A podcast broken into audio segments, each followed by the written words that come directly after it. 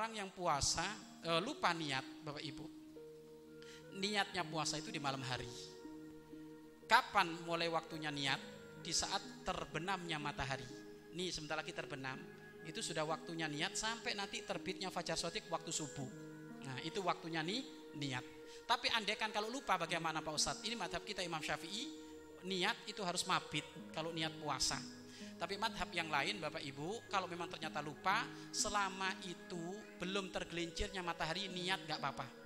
Selama sebelum tergelincirnya matahari, niat gak apa-apa. Jadi kalau mau niat puasa, sudah jam 8 nih, tapi lupa gak niat, ya sudah. Gak apa-apa Bapak Ibu, yang penting belum tergelincir matahari. Saya niat puasa sunnah karena Allah.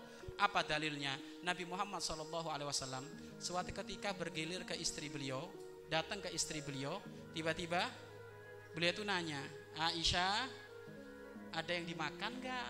Nah, Rasulullah nanya sarapan pagi, ada yang dimakan nggak? Nggak ada ya Rasulullah. Idan ini soim.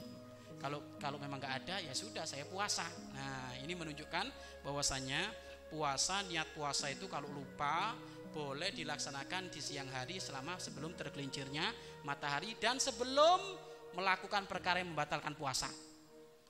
Wong sudah habis dua nasi bungkus lengko Bapak Ibu. Iya kan? Plus tehnya Bapak Ibu. Waduh, lupa saya ini nggak niat puasa, nggak bisa, nggak dianggap kalau kayak gitu. Ya, lanjut nggak puasa kalau seperti itu. Wallahu a'lam bishawab.